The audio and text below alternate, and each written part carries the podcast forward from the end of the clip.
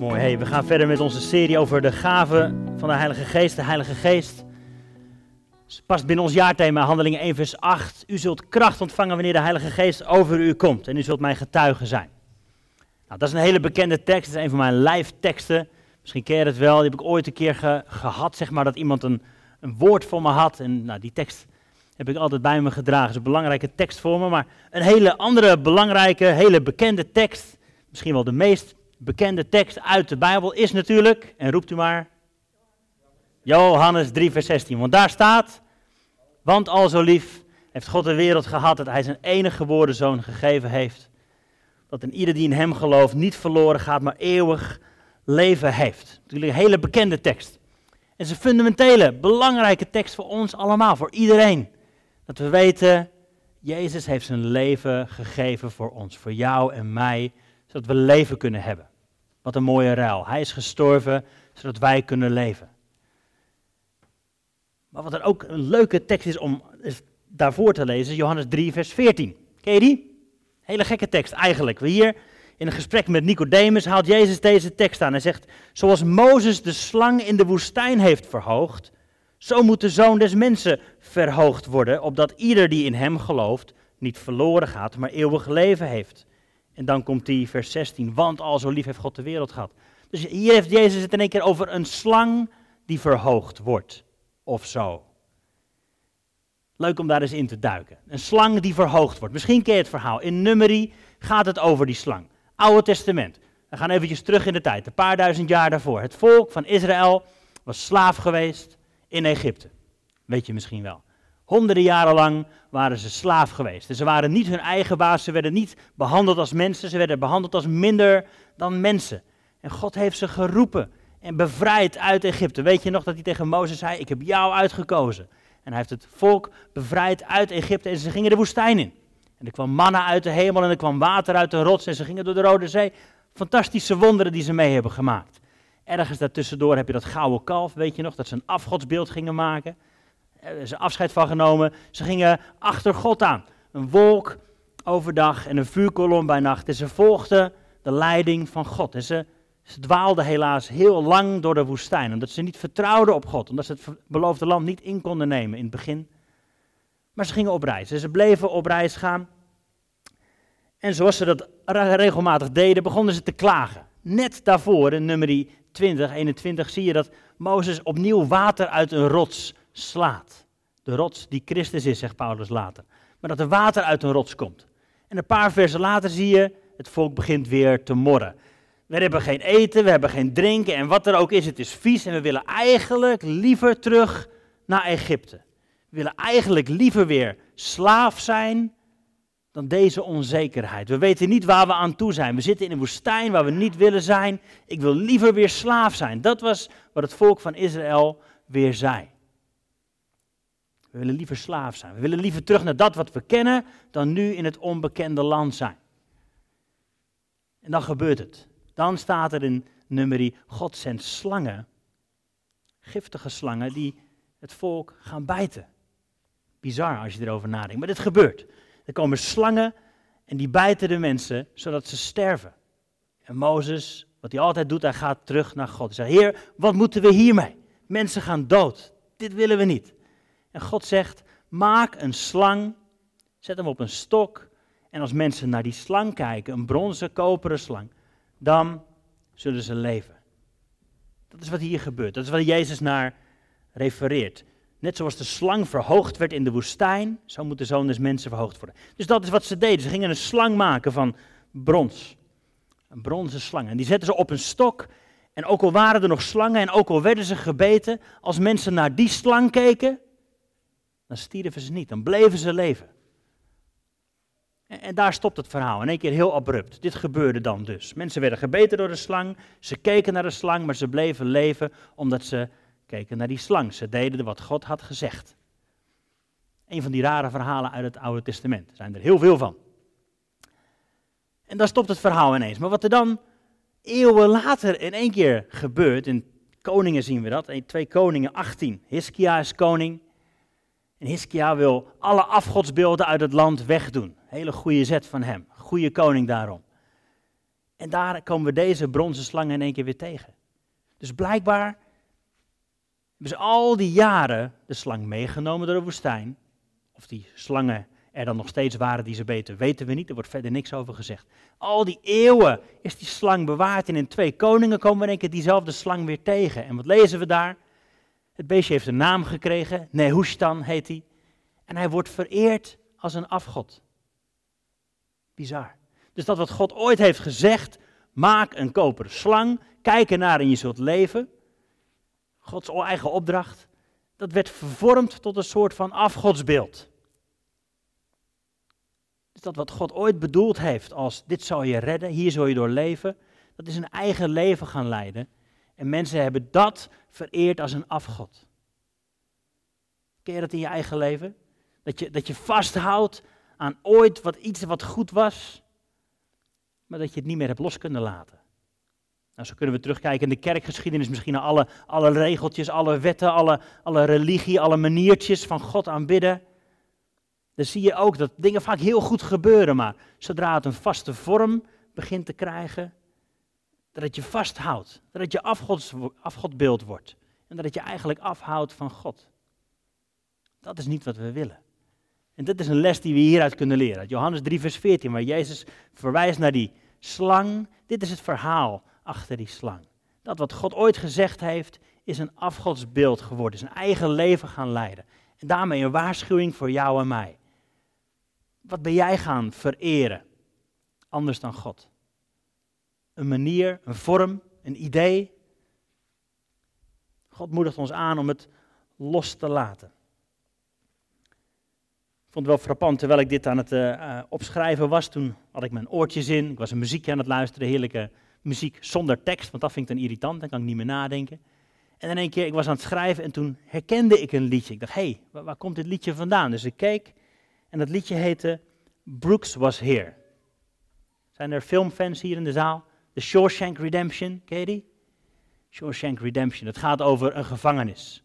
Fantastische film, we hebben ook wel eens gebruikt bij onze uh, Movie March maanden, waarin we gaan kijken de gelijkenissen van films in het Koninkrijk van God. Maar deze Brooks was here. Brooks is een oude man die meer dan 50 jaar in de gevangenis heeft gezeten in deze film, Shawshank Redemption. 50 jaar zat hij vast in de gevangenis. En dan hoort hij het afgrijzelijke nieuws dat hij vrijkomt. En hij weet zich geen raad. Hij weet niet wat hij moet doen in die grote boze buitenwereld. Alles is veranderd natuurlijk, het is een onbekende wereld voor hem. En hij houdt het ook niet lang uit. Als hij één keer vrij is gekomen, probeert hij zijn best te doen, maar uiteindelijk verhangt hij zich, pleegt hij zelfmoord. Omdat hij niet kan omgaan met die plotselinge, nieuw verworven vrijheid. Voor mij zitten er hele mooie overlappingen in. Hoe houden we vast aan dat wat we ooit gekend hebben? Net zoals het volk van Israël. Ik was liever slaaf. Ik was liever in Egypte. Ik was liever in de gevangenis. Dat was bekend terrein. En nu zijn we vrij. Hoe gaan we hiermee om? Een heel nieuw open terrein. En ik geloof dat onder andere daarom Jezus zegt: word als de kinderen. Word als de kinderen. Even een bruggetje. Word als de kinderen. En waarom zou Jezus dit zeggen? Wat zijn bijvoorbeeld kenmerken van kinderen? Nou, een van de dingen is natuurlijk, heel, heel overduidelijk, het grootste deel van hun leven ligt nog voor hen. Zoals Jezus zegt, word als de kinderen, dan zegt hij ook tegen jou, hey, weet je wat, het grootste deel van jouw leven ligt nog voor je. Ligt niet achter je, het maakt niet uit of je nu 10, 50 of 100 bent. Het grootste deel van je leven ligt voor je. Heb die mindset, heb dat hart in je.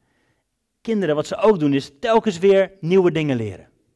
Op school leren ze telkens weer nieuwe dingen.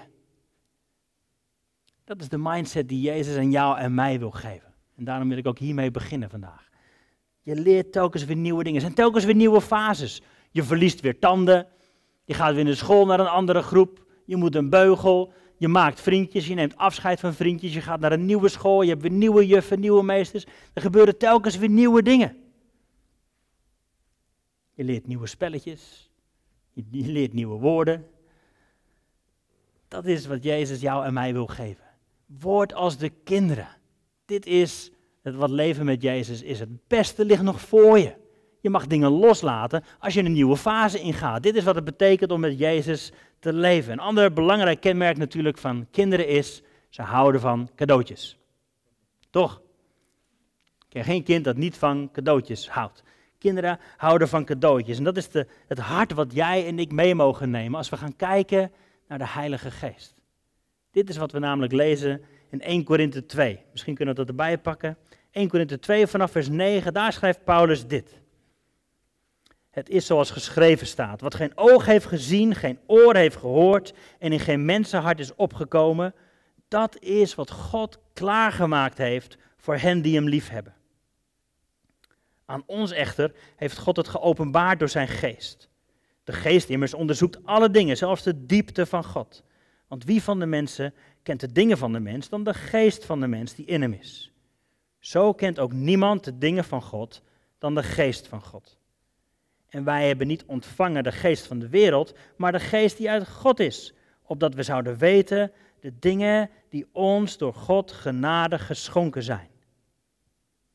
De dingen die ons door God genade geschonken zijn. We lezen dit stukje nog een keer. Het is zoals geschreven staat. Wat geen oog heeft gezien en geen oor heeft gehoord en in geen mensenhart is opgekomen. Dat is wat God heeft bereid voor hen die hem lief hebben. Vaak denken we hierbij aan de hemel. Toch? Zo wordt het vaak uitgelegd, zo lezen we misschien. God heeft fantastische dingen voor ons voorbereid in de hemel. Amen. Kunnen we ons nog niks bij voorstellen, geloof ik. Maar het is niet gelimiteerd aan de hemel. God heeft goede dingen voor jou en mij hier en nu voorbereid. Er is een hele nieuwe reis die we, die we mogen gaan reizen. God heeft ons uitgenodigd om deel uit te maken van een nieuw volk. Je krijgt een nieuw hart, een nieuwe geest. Er is iets nieuws wat Hij voorbereid heeft. En we hebben nog geen idee daarvan, maar we mogen het gaan ontdekken samen met Hem. Dus het is niet alleen maar later de hemel, het is ook hier en nu dat we mogen ontvangen de schitterende dingen die God voorbereid heeft. Een andere vraag is, geloven we dat God echt goed is? Geloven we dat? Dat lied wat we net zongen, The Overwhelming, Reckless Love of God. Ja, soms moet je hem wel honderd keer zingen, toch? We nemen daar niet altijd de tijd voor op een zondagochtend. Maar weten we dat God echt van ons houdt? Dat Hij echt te vertrouwen is? Dat Hij echt goede dingen voor je weggelegd heeft? Dat hij hoopvolle toekomst voor je heeft. Dat hij niet alleen maar van je houdt omdat het nou eenmaal moet, maar dat hij je ook gewoon echt tof vindt. Dat hij over je glimlacht. Geloven we dat echt? Dat is wie God echt is. Aan ons echter staat hier, heeft God het geopenbaard door zijn geest. Als je God wilt leren kennen, dan heb je de Heilige Geest nodig. En we hebben niet gekregen de geest van deze wereld. Dat is een van de dingen. Hè? Als, je, als je iets wilt ontvangen met open handen, dat betekent dat je handen dus open moeten zijn en dat oude hebben moeten achterlaten. Israël kon alleen maar naar het beloofde land omdat ze het land van slavernij achter zich hebben gelaten. En dat is eng en dat is raar en dat is lastig. Soms hebben we al jaren aan ervaring in het leven in de wereld. En is het lastig om het leven met God te gaan ontdekken, want ja, we houden zo graag nog vast aan dat wat we al kenden. Maar ik wil je uitdagen, hoe je hier ook zit, laat los, zodat je kunt ontvangen. Kom uit dat land wat je vastgehouden heeft en ontdek het leven met God. Dit waar we net mee begonnen, Johannes 3, dus daar praat Jezus met Nicodemus en daar heeft hij het over opnieuw geboren worden, door de geest geboren worden. Dat betekent een nieuw leven beginnen met God. Dat is wat hier aan ons beloofd wordt, waarin we worden uitgenodigd. Paulus heeft het hier over de dingen die ons door God genadig geschonken zijn. Oftewel cadeautjes. Aan jou en mij de vraag, wil je zijn als een kind? Wil je die cadeautjes ontvangen? Wil je ontvangen dat wat God voor jou klaar heeft liggen? Vandaag is ook de titel van dit overdenkingje de gaven van de Heilige Geest. De afgelopen week hebben we veel gekeken naar de gaven van de Heilige Geest. Dat ieder die gelooft, ontvangt de Heilige Geest. Amen, dat geloven we. Maar er zijn ook gaven van de Heilige Geest. Meervoud. De Heilige Geest heeft cadeautjes voor jou en mij klaar liggen. Die we mogen ontvangen en uitpakken. En daarmee ben je nooit klaar. Geloof je dat? Dat God goede dingen voor je klaar heeft liggen. Nou, ik heb een paar dingen opgeschreven als je ervan houdt om mee te schrijven of je luistert er terug. Ik heb hier drie verschillende soorten gaven uitgeschreven. In Romeinen 12 lezen we, nou, ik noem het maar eventjes de motivatiegaven. We gaan het niet door, helemaal doorlezen hoor. We hebben genadegaven onderscheiden naar de genade die ons is gegeven, zegt Paulus. Het zij profetie, het zij dienstbetoon, het zij wie onderwijst of bemoedigt of uitdeelt of leiding geeft of met ontferming bewogen is. Motivatiegaven, dat is een gave die God je wil geven. De dingen die je drijven in het leven. Hoe kijk je naar de mensen om je heen? Hoe kijk je naar situaties? We hebben het verleden wel eens een plaatje laten zien hier van, van iemand die binnenloopt met een dienblad. Vol met kopjes en borden. En die komt binnen en hij struikelt. Wat is je eerste reactie? Is je eerste reactie, ik help wel met opruimen. Of ik koop wel een nieuwe voor je. Of, hé hey, sukkel, dat kwam omdat je niet goed had uh, verdeeld, dit gewicht. Of, hé, hey, zal, ik je, zal ik je eventjes helpen met, met schoonmaken? Wat drijft je? Wat is je motivatiegave? Dat is een van de manieren waarop je kunt kijken naar de gaven van de Heilige Geest. Lees je Romeinen 12. In Efeze 4 gaat het over een hele andere soort gaven. Dan gaat het over de bedieningsgaven. Misschien ken je het wel. God heeft gegeven apostelen, profeten, evangelisten, herders en leraars. Om de heilige toe te rusten tot dienstbetoon. Hele andere soorten gaven. Efeze 4 kun je nalezen, de bedieningsgaven. Vandaag wil ik het hebben over de zogenaamde manifestatiegaven. We zijn begonnen in 1 Korinthe, we gaan doorlezen in hoofdstuk 12. Ik ben me ervan bewust dat we hier zitten met een hele gemeleerde groep mensen. Of als je thuis meekijkt of terugluistert. Ik weet niet wat je achtergrond is. Misschien kom je uit een Pinksterbeweging, waar je bent opgegroeid met de Heilige Geest. Misschien kom je uit een iets meer reformatorisch milieu waarin het wat onbekender was. We hebben allemaal onze eigen startplek. Misschien ben je helemaal niet opgegroeid met God en denk je, wat moet ik hiermee? Ik wil je vragen om net als een kind open te kijken naar wat Hij voor jou heeft. Er is een nieuwe fase in je leven. Er is een nieuwe tijd. God wil wat nieuws doen in je leven. Hier zegt Paulus dit in 1 Korinthe 12 vanaf vers 1. Wat nu de geestelijke gaven betreft, broeders, wil ik niet dat u onwetend bent. U weet dat u vroeger heidenen was, weggetrokken naar de stomme afgoden, en zo liet u zich meevoeren. Maar daarom maak ik u bekend dat niemand die door de geest van God spreekt, zegt, Jezus is een vervloekte. En ook kan niemand zeggen, Jezus is Heer, dan door de Heilige Geest. Hier staat, er is verscheidenheid van genadegaven, het is dezelfde geest. Er is verscheidenheid van bedieningen, het is dezelfde Heer. Er is een verscheidenheid van werkingen, maar het is dezelfde God die alles in alle werkt. Aan ieder echter wordt de openbaring van de geest gegeven tot wat nuttig is voor de ander. Want aan de een wordt door de geest een woord van wijsheid gegeven en aan de ander een woord van kennis, door dezelfde geest. En aan een ander geloof door dezelfde geest. En aan een ander genadegaven van genezingen door dezelfde geest. En aan een ander werkingen van krachten. En aan een ander profetie. En aan een ander het onderscheiden van geesten. En aan een ander allerlei talen. En aan een ander uitleg van talen. Al deze dingen echter werkt één en dezelfde geest, die aan ieder afzonderlijk uitdeelt zoals hij het wil dit zijn een paar van de cadeautjes die God voor jou en mij klaar heeft liggen. Geloof je dat? Geloof je dat God dit voor jou heeft klaarleggen? Of is het voor die andere christenen? Een paar dingen die hier genoemd worden. Woorden van wijsheid, woorden van kennis, woorden van geloof. Genadegaven van genezing, werking van krachten, profetie, onderscheiding van geesten, allerlei talen of uitleg van talen. Dit zijn manifestatiegaven. De, kracht van God wordt zichtbaar op iedereen door op een andere manier, maar wel door iedereen heen. Tot wat nuttig is voor de ander, tot opbouw van de ander. Dit is wat God jou en mij wil geven voor onze reis. Misschien kun je het beste vergelijken met een, nou, een berg beklimmen. Als je dat wel eens doet op vakantie, dan weet je dat je een raar pakje aankrijgt en een helm op en touwtjes mee. Het zou natuurlijk een beetje raar zijn als jij naar die instructeur toe gaat en zegt van joh, gaan we niet doen, heb ik niet nodig, laat maar zitten, kom wel goed. Nee, dit is wat je nodig hebt. Dit zijn tools die je nodig hebt om de reis te kunnen maken. Je kunt ervoor kiezen om te zeggen, ik laat ze even liggen, dankjewel, ik hoef niet zo hoog, joh. Ik blijf hier wel, ik zet wel koffie voor de rest. kun je doen. Maar dan maak je niet de reis waar jij voor geroepen bent, waar jij voor bedoeld bent. Je bent geroepen om een nieuwe reis te maken, een nieuw land in te nemen. Een nieuw land te beërven. Wat we een paar weken eh, geleden gelezen hebben, Jezaja 61. Je bent geroepen om, om de, de steden die verwoest lagen opnieuw op te bouwen, weet je nog. Dat is waarvoor je geroepen bent. En daarvoor heb je tools nodig. En die wil God je geven. Je kunt ze afwijzen. Maar je kunt ze ook zeggen, Heer, ik weet niet zo goed hoe het werkt, maar ik wil het wel ontvangen. Ik heb alles nodig wat u mij wilt geven. Hoofdstuk 12 gaat straks verder over vele leden, één lichaam. Hè? Over diversiteit, over verschillen. Gaven tot wat nuttig is voor de anderen. Dan komt het mooie hoofdstuk 1 Korinthe 13 over de liefde.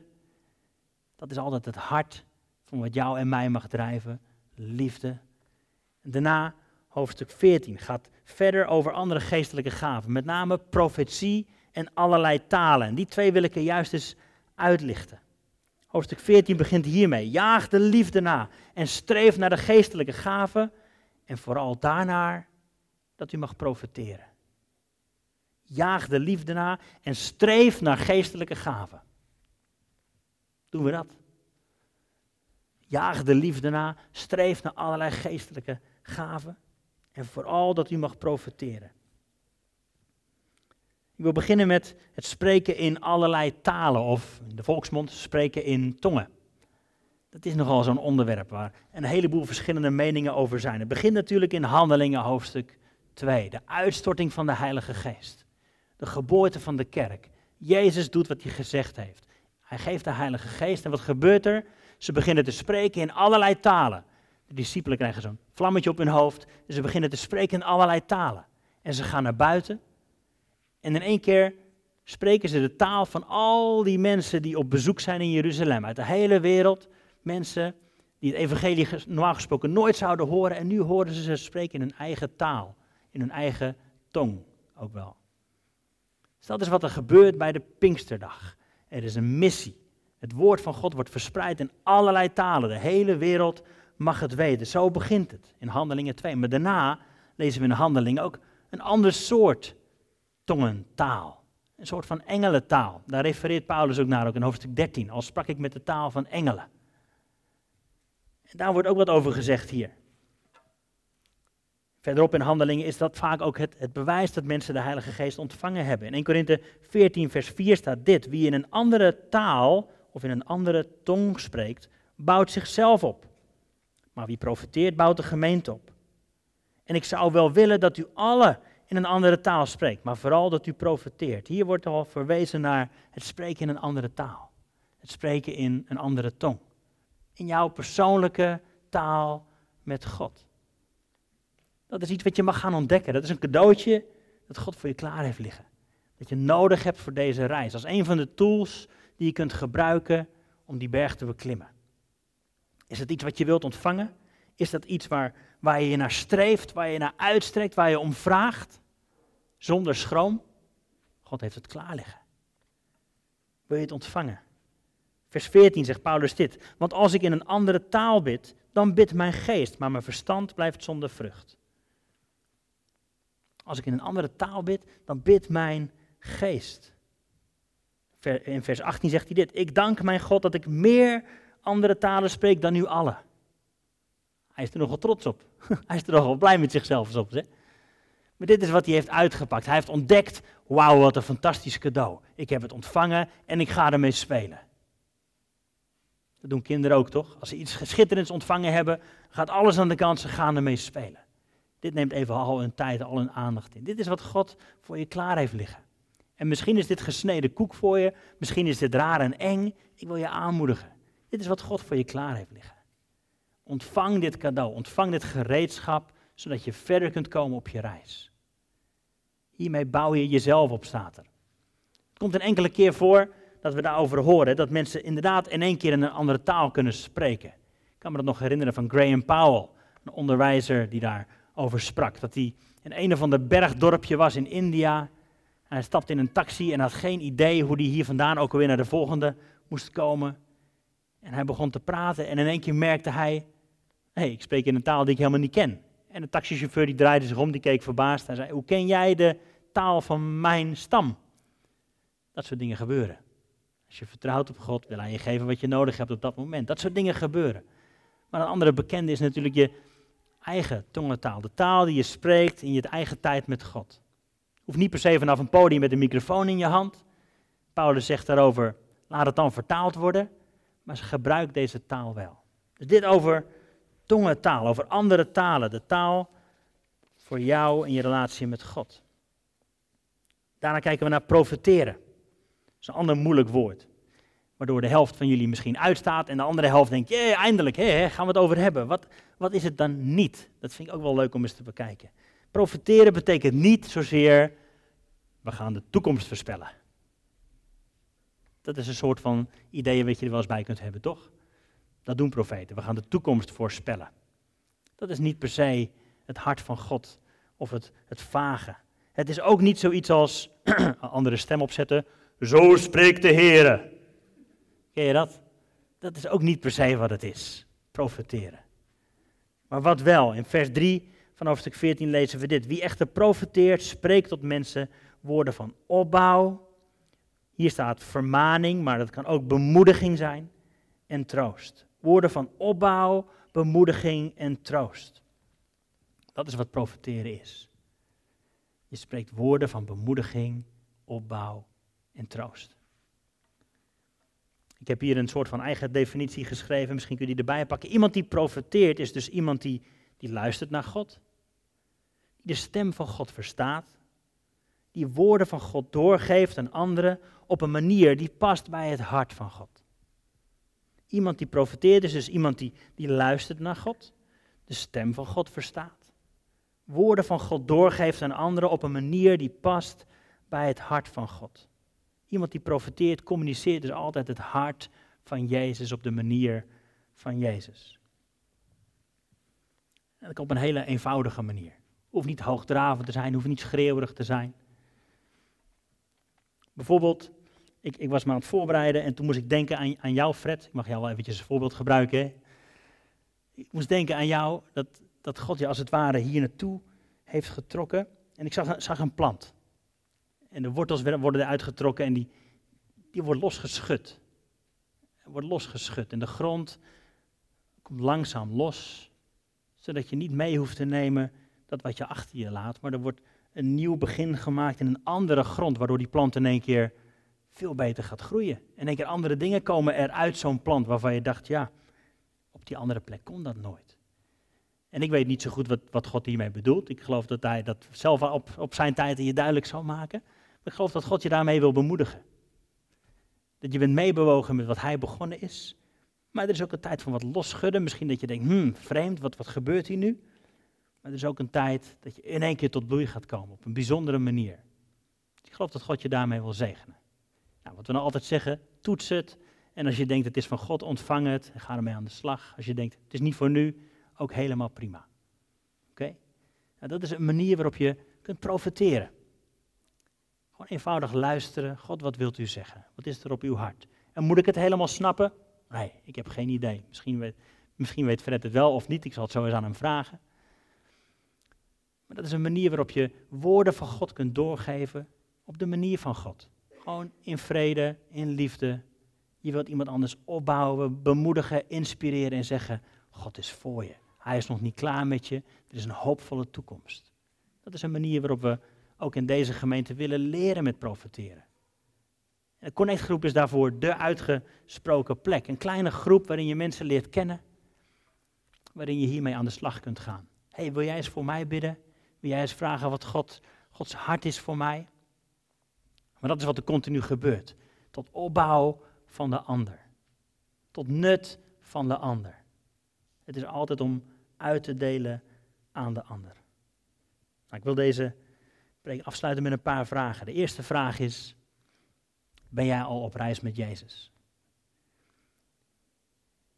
Ik noemde net het berg beklimmen, maar net zoals het volk van Israël geroepen is uit het land van slavernij en op reis is naar een nieuw land, ben jij al op reis met Jezus?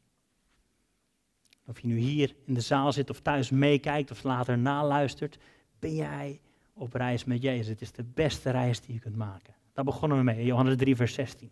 Want al zijn lief heeft God de wereld gehad, dat hij zijn enige zoon gegeven heeft. En als je in hem gelooft, ga je niet verloren, maar zul je voor eeuwig leven. Ben je op reis met Jezus? Heb je hem ontvangen? Wil je hem geloven? Wil je eeuwig leven ontvangen? Eeuwig leven dat nu al begint. Misschien is vandaag voor jou de dag dat je zegt, ja, ik wil die eerste stap zetten op reis. We gaan straks samen met elkaar bidden, daar is ruimte voor. Ben je op reis met Jezus? De tweede is, heb je zijn Heilige Geest ontvangen als uitrusting voor je reis? Misschien past het nooit in jouw denkkader, misschien is het helemaal nieuw voor je, misschien is het vreemd of eng of voor iemand anders. Maar heb je zijn Heilige Geest ontvangen? Dit is wat God je wil geven. Hij zegt, ik heb je getrokken uit het land van slavernij, je gaat op reis naar een nieuw land. Maar om dat te bereiken, om dat land te bevolken, heb je mijn Heilige Geest nodig. Wil je hem ontvangen? Misschien voor het eerst, misschien merk je, ik ben zoveel kwijtgeraakt, ik heb het opnieuw nodig. God wil het opnieuw aan je geven. God wil zijn Heilige Geest opnieuw aan je geven. Wil je worden als een kind en ben je klaar om het oude achter je te laten en iets nieuws te ontvangen? Is het tijd voor een nieuwe fase voor jou? Wil je weer worden als een kind? Wil je ontvangen wat Hij voor je heeft? En misschien iets praktischer. In vers 1 van hoofdstuk 14 staat: streef naar die geestelijke gaven. Jaag de liefde na en streef naar die andere gaven. Kunnen we je daarbij helpen? Mogen we voor je bidden? Spreken in andere talen, spreken in andere tongen, profiteren. Mogen we voor je bidden? Wil je hierin uitstappen? Wil je hierin groeien? Het is een manier waarop je anderen kunt bemoedigen. Waarop je anderen kunt zegenen, waarop je zelf ook groeit. Hoe gaaf is het dat als, als je zelf iets, iets hoort van God en je denkt, is dit wel van God of is het van mezelf? En, je probeert het eens, dat je merkt dat het bij die ander zo binnenkomt en dat het zo landt. Hoe bemoedigend is dat voor jezelf? Wil jij je ernaar uitstrekken? En de laatste praktische vraag, hey, is er al een, een kleine groep, een connectgroep, waarbij jij binnen een veilige setting hiermee kunt oefenen? Waarin je eens kunt duiken in die hoofdstukken 12, 13, 14 en, hé hey jongens, wat doen we hiermee? Dit is wat de Bijbel zegt, maar hoe werkt dat vandaag dan? Doe je dat al? Kun je dat al? Ben jij ermee bezig? Weet je welke gave God jou gegeven heeft? Ik zou je willen aanmoedigen, zoek een kleine groep. Er zijn genoeg kleine groepen, maar nog niet genoeg. Er zijn nog zoveel meer plekken. We gaan straks bijna staan om een lied te zingen. Marjolein, mag ik nog iets tegen jou zeggen ook? Ehm, ik moest, moest aan jou denken ook bij het voorbereiden van vanochtend. En ik geloof dat God jou, is een van die dingen die hier staat, is wijsheid. Hè? De gave van wijsheid. En ik geloof dat God jou dat gegeven heeft. Dat ook op de plekken waar je komt, of het nou op je werk is, of met moeders op het schoolplein, of andere vriendinnen, waar dan ook, dat God je wijsheid geeft. En dat je daar vol vertrouwen van mag zijn. Dat je in situaties in één keer weet, ja maar jongens, zo gaan we het doen. Is de manier waarop God het bedacht heeft. En misschien hoef je niet per se die woorden te gebruiken op je werk, is dat misschien een beetje raar. Maar ik geloof dat, dat God jou dat toevertrouwt, omdat je een heel mooi, zacht hart hebt, een betrouwbaar karakter, waarom God dit wil geven. Ja, nou, toets het, ontdek het en vraag God om meer. Oké, zullen we gaan staan, mensen? Heere God, dank u wel dat u goed bent. Dat u van uw kinderen houdt, dat u van ons houdt met een, een liefde die nooit ophoudt. Maar dat u verlangt dat we alles wat u heeft voor ons, dat we dat zullen ontvangen. Wilt u ons daarbij helpen om te ontvangen alles wat u voor ons heeft? Elke geestelijke gave, daar willen we naar streven. Dat is waar u nu ons aanmoedigt en dat willen we doen. Wilt u ons helpen om dat te doen met het hart van Jezus, altijd gericht tot opbouw van de ander, tot groei van uw gemeente, tot uitbreiding van uw koninkrijk.